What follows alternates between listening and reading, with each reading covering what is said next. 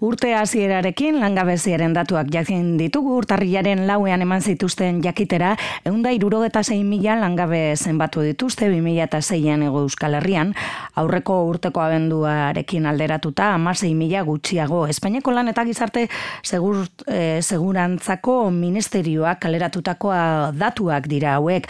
Bestetik, barne produktu gordinak, ba, 2008an, e, uneko biko mairu astea espero dute, aurrekuspena egin dute Ego Euskal Herrian datorren arabera ba enplegua sortuko dela e, aurre ikusten dute. Bestetik urte berriarekin adi jarraitu beharko dugu Konfebasket eta lau sindikatu nagusiek Araba Bizkaia eta Gipuzkoan sinatutako itunak e, Espainiako etatik ba babestuko dituen akordio bat nahi dute eta sinatu urtarri jerako eta abenduan hasi ziren negoziazio maila eratu zuten ba e, helburu horrekin lan harremanen kontseiluaren Bilboko egoitzan izan zen gai asko urte hasierarako eta langile sektore batzuetan ere gatazka luzeak e, ditugu. Guzti hauek izango ditugu izpide datozen minutuetan Joseba Villarrealekin elako kidearekin egun on. Bai, hola, unon. Azken gaiari helduta abiatuko dugu gaurko elkarrizketa, e, garrantzia izango dugu abienduan abiatutako bilerak, hau da, Espainiako itunetatik babesteko ba, Euskal Esparru bat sortzeko aukera hori, eta, bueno, ba, gutxien ezia mai gainean eta mai bueltan ezerita. Bai, bai, gaia zalantzari gabe garrantzitsua da, eta horregatik e, guke daukane daukan balioa ematen diogu, baina daukan e, balioa, hau da, mai horretan, e, adosteko preste gaudena, edo badirudi preste gaudena da, hemengo hitzarmenak estatuko hitzarmenen e, aurretik egotea, hau da, lehentasuna izatea, mm hemengo hitzarmenak e, Madridetik inposatzen diren e, hitzarmenen gainetik. Hori da, negoziatzen ari garena, eta badirudi e, horretarako aukera badagoela konfebaskek 2008 garren mm. urtean etzuen nahi izan horrelako akordioa sinatzea, eta orain badirudi nahi duela, mm komisiones eta UGTek ere, estatu mailan hitzarmenak sinatzen dituzten arren, badirudi prez daudela horretaz hitz egiteko, eta bai puntu horretan garrantzitsua da, nolabait esateko da, hemen aurrera, hemen sinatuko diren hitzarmenek, edo sinatu direnak azken urte honetan, eta akordi hori egiaztatzen baldin bada, ba, babestuago egongo dira Espainiarekiko e, bestela baino. Beraz, e, hori da, dagoen amai gainean, eta hori bera garrantzitsua da, baina mai horretan ez da konponduko negoziazio kolektiboaren arazoa, patronalak e, blokeatzen jarraitu nahi du, ez du aurrera pausorik suposatzen dituen e, edukirik nahi, prekarizazioarekin aurrera jarraitu nahi du, eta hori, bueno, ezinezkoa da hitzarmenetan horrelako akordiorik eskuratzea gure, guretzat gutxienez. Mm Bai ez, e, izan ere zuek ohartarazten duzue akordiak ez lituzkela konponduko patronalak lan erreformak baliatuta blokeatzen dituen hitzarmenak. Bai, e, dudari gabe, hori da e, patronalak eta bere lurraldetako organizazioek daukaten, e, daukaten jarrera, eta guri gustatuko litzaiguke, e, orain azkunde ekonomiko gara honetan, ba, dagoeneko uste dut, e, zinturoia nahiko estutu diguten langile hoi, eta badala ordua e, aurrera pausoak suposatzen dituen e, itzarmena mai gainean jartzeko. Mhm. Baina patronalak badirudi berriro diote horretarako borondaterik e, ez daukala, eta akordio horrek balioa e, duen arren, eta balio garrantzitsua duen arren, bueno, ba, hortik ez dira konponduko hitzarmen bakoitzak e, daukan e, momentua hori negoziazio kolektiboko mai bakoitzean. Hitz egiten mm egongo gera eta elatik beti izan dugu. Aurrera pausoak eta e, atzera pauso bi suposatzen ez duen hitzarmena izatea ezinbestekoa da.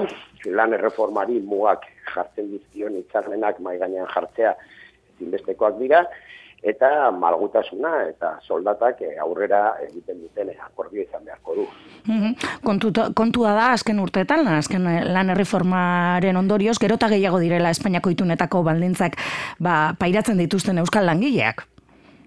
Bai, zalantzari gabe, hori izan zan, e, Zapatero, bere 2008 garren urtean egin zuen erreforman e, albidetzen zuena, baina Zapatero ketzuen derrigortzen, hau da, Zapatero aukera ematen zuen, ez Madriden erabakitzea zer sinatu daiteken eta zer ez, edo zer negoziatu daiteken nun, Eta komisionen sujete eta CEO eta konfebaskere CEOen kide da, izan dira e, muturreraino eramaten ari direnak zapatero kemandako tresnak. Beraz, eren bakoitzak bere ardura sindikala eta politikoa ere badauka, gu beti egon gera estatalizazioaren eh, aurka, mm guk sinatu ditugun eh, hitzarmenetan estatalizazioari mugak jarriko dituzten klausulak sartu ditugu, eta komisioen ez daugete dira horren inguruko esplikazioak eman beharko dituztenak, eh? baina zapateroren legeak albidetzen zuen, baina zuen derrigortzen. Mm Bueno, ala ere garrantzitsua izango da, ez? Abiatutako, abenduan abiatutako prozesua akordio batera altzen bada, nuski? Bueno, bai, zalantzari gabe, esaten dut, balioa badaukala bertan mai gainean dagoena, eta edukiak berak justifikatzen du e, bilera horren e, garrantzia. Mm Hasieratik esan gendu, beti egon garela prest, hemengo esparrua, Madrideko esparruti lehenesteko, eta, bueno, beste batzuk dira orain prest daudenak, eta lehen prest daudenak, ba, guzarantzari gabe, guretzat e, negoziazio importantea da, garrantzitsua da bertan adostu dezakeguna, baina ez du dena konpontzen. Bestetik, aipatu bezala, 2006ko langabezi datua jakinarazi zituzten aurreko astean, langabe kopurua jaitzi eginda, aitotu beharra dago 2006an erregistatutako langabezi tasa jaitzi egin dela, edo nola ere e, argitu beharko zen berakada hori ez, e, datu horiek, bueno, aztertu beharko direla ez, askotan datuak ematen diren nean ez, ba, ematen du dena ondo doala, baina ze irakurketa egiten duzue elatik?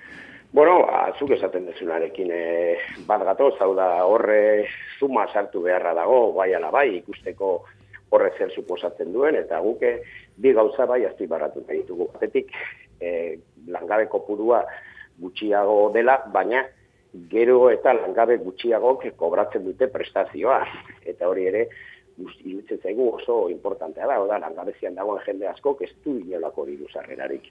Mhm. Eta bestetik, Eh, enplegu estazionala edo garaian garaiko enpleguak baldintzatzen ditu urtero datu datu hoiek eta zalantzari gabe lanaldi partziala eta prekaritatea dira e, asko baldintzatzen duten e, kontratu kontratu motak, eh? Enplegu finkorik egonkorrik e, apenas e, sortzen da. Industriak sortzen duen enplegua azpi kontratazioaren inguruan edo eteten inguruan sortzen den enplegua enplegua da eta beraz guretzat e, datuetatik aratago enpleguaren kalitateari begiratzea ezinbesteko izan beharko litzateke, naiz eta badakigu, bueno, ba, gure agintari politikoek e, datuak beraien alde daudenean, ba, beraien e, puntuetan sartzen dute e, horren, horren aukera, ez? Baina guretzat e, gauza bada enplegu kopurua eta bestetik e, kalitateak e, erbesteko garrantzia izan beharko litzateke. Mm kalitatea eta zenbakietan ere generoa begiratu beharko litzateke, ez? E, kezkagarria delako emakumeen egoera, ez? E, langabezian dauden asko eta asko emakumeak direlako.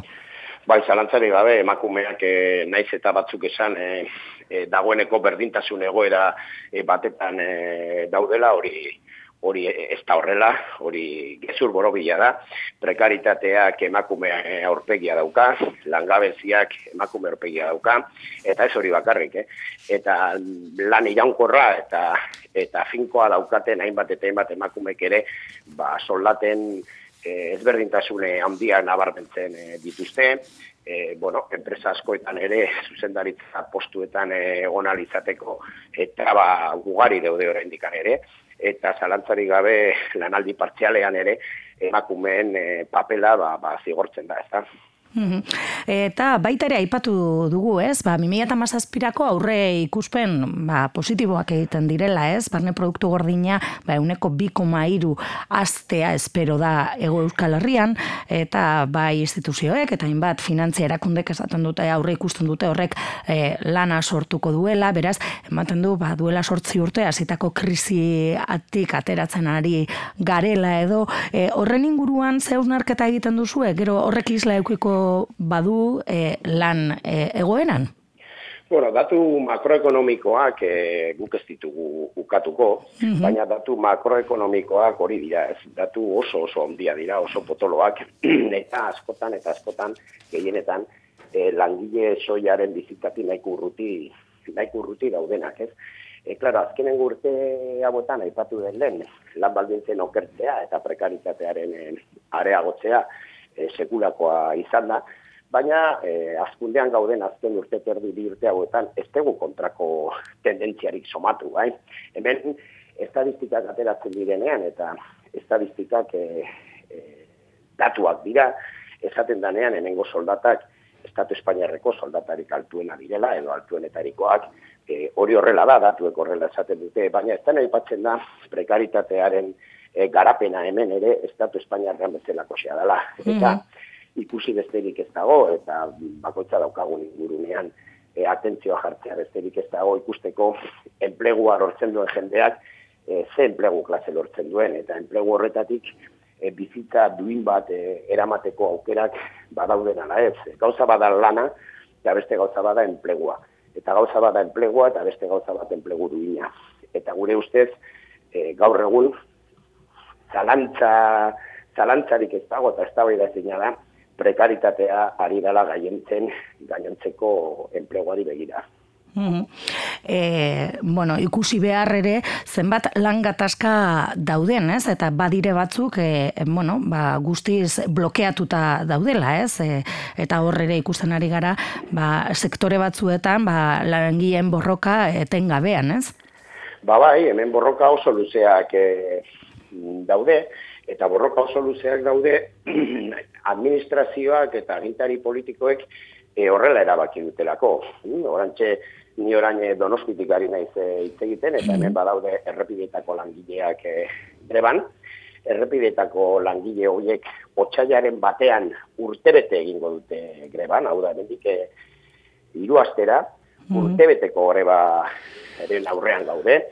e, diputazioaren eskuartzea ezinbestekoa da langileen e, surrogazioa edo langileen postua mantentzeko.